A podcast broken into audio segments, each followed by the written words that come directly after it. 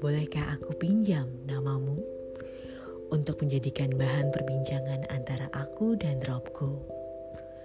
Kupinjam namamu untuk aku minta dalam setiap sujudku, agar kelak kau adalah orang yang dapat menemaniku untuk menyempurnakan separuh agamaku. Mendoakanmu adalah sebaik-baik cara mencintaimu sebelum aku benar-benar memilikimu melalui jalannya.